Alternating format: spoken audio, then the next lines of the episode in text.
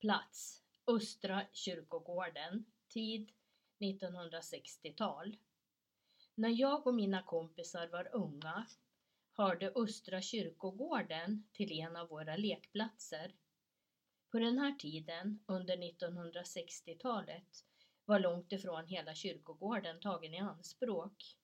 Stora ytor var endast besådda med gräs och kringgärdade av en kraftig syrenhäck.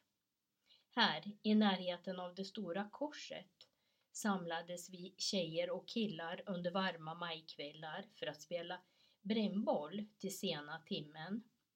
De flesta av oss var klass eller skolkamrater från Fagervallsskolan och senare Parkskolan.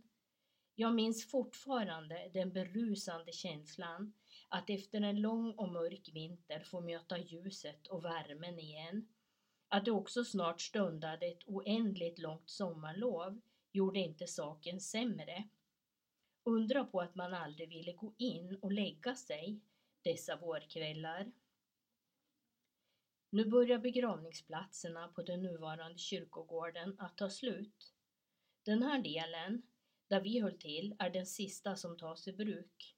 I skrivande stund sommaren 2018 byggs kyrkogården ut för fullt på mark som tillhört Försvarsmakten.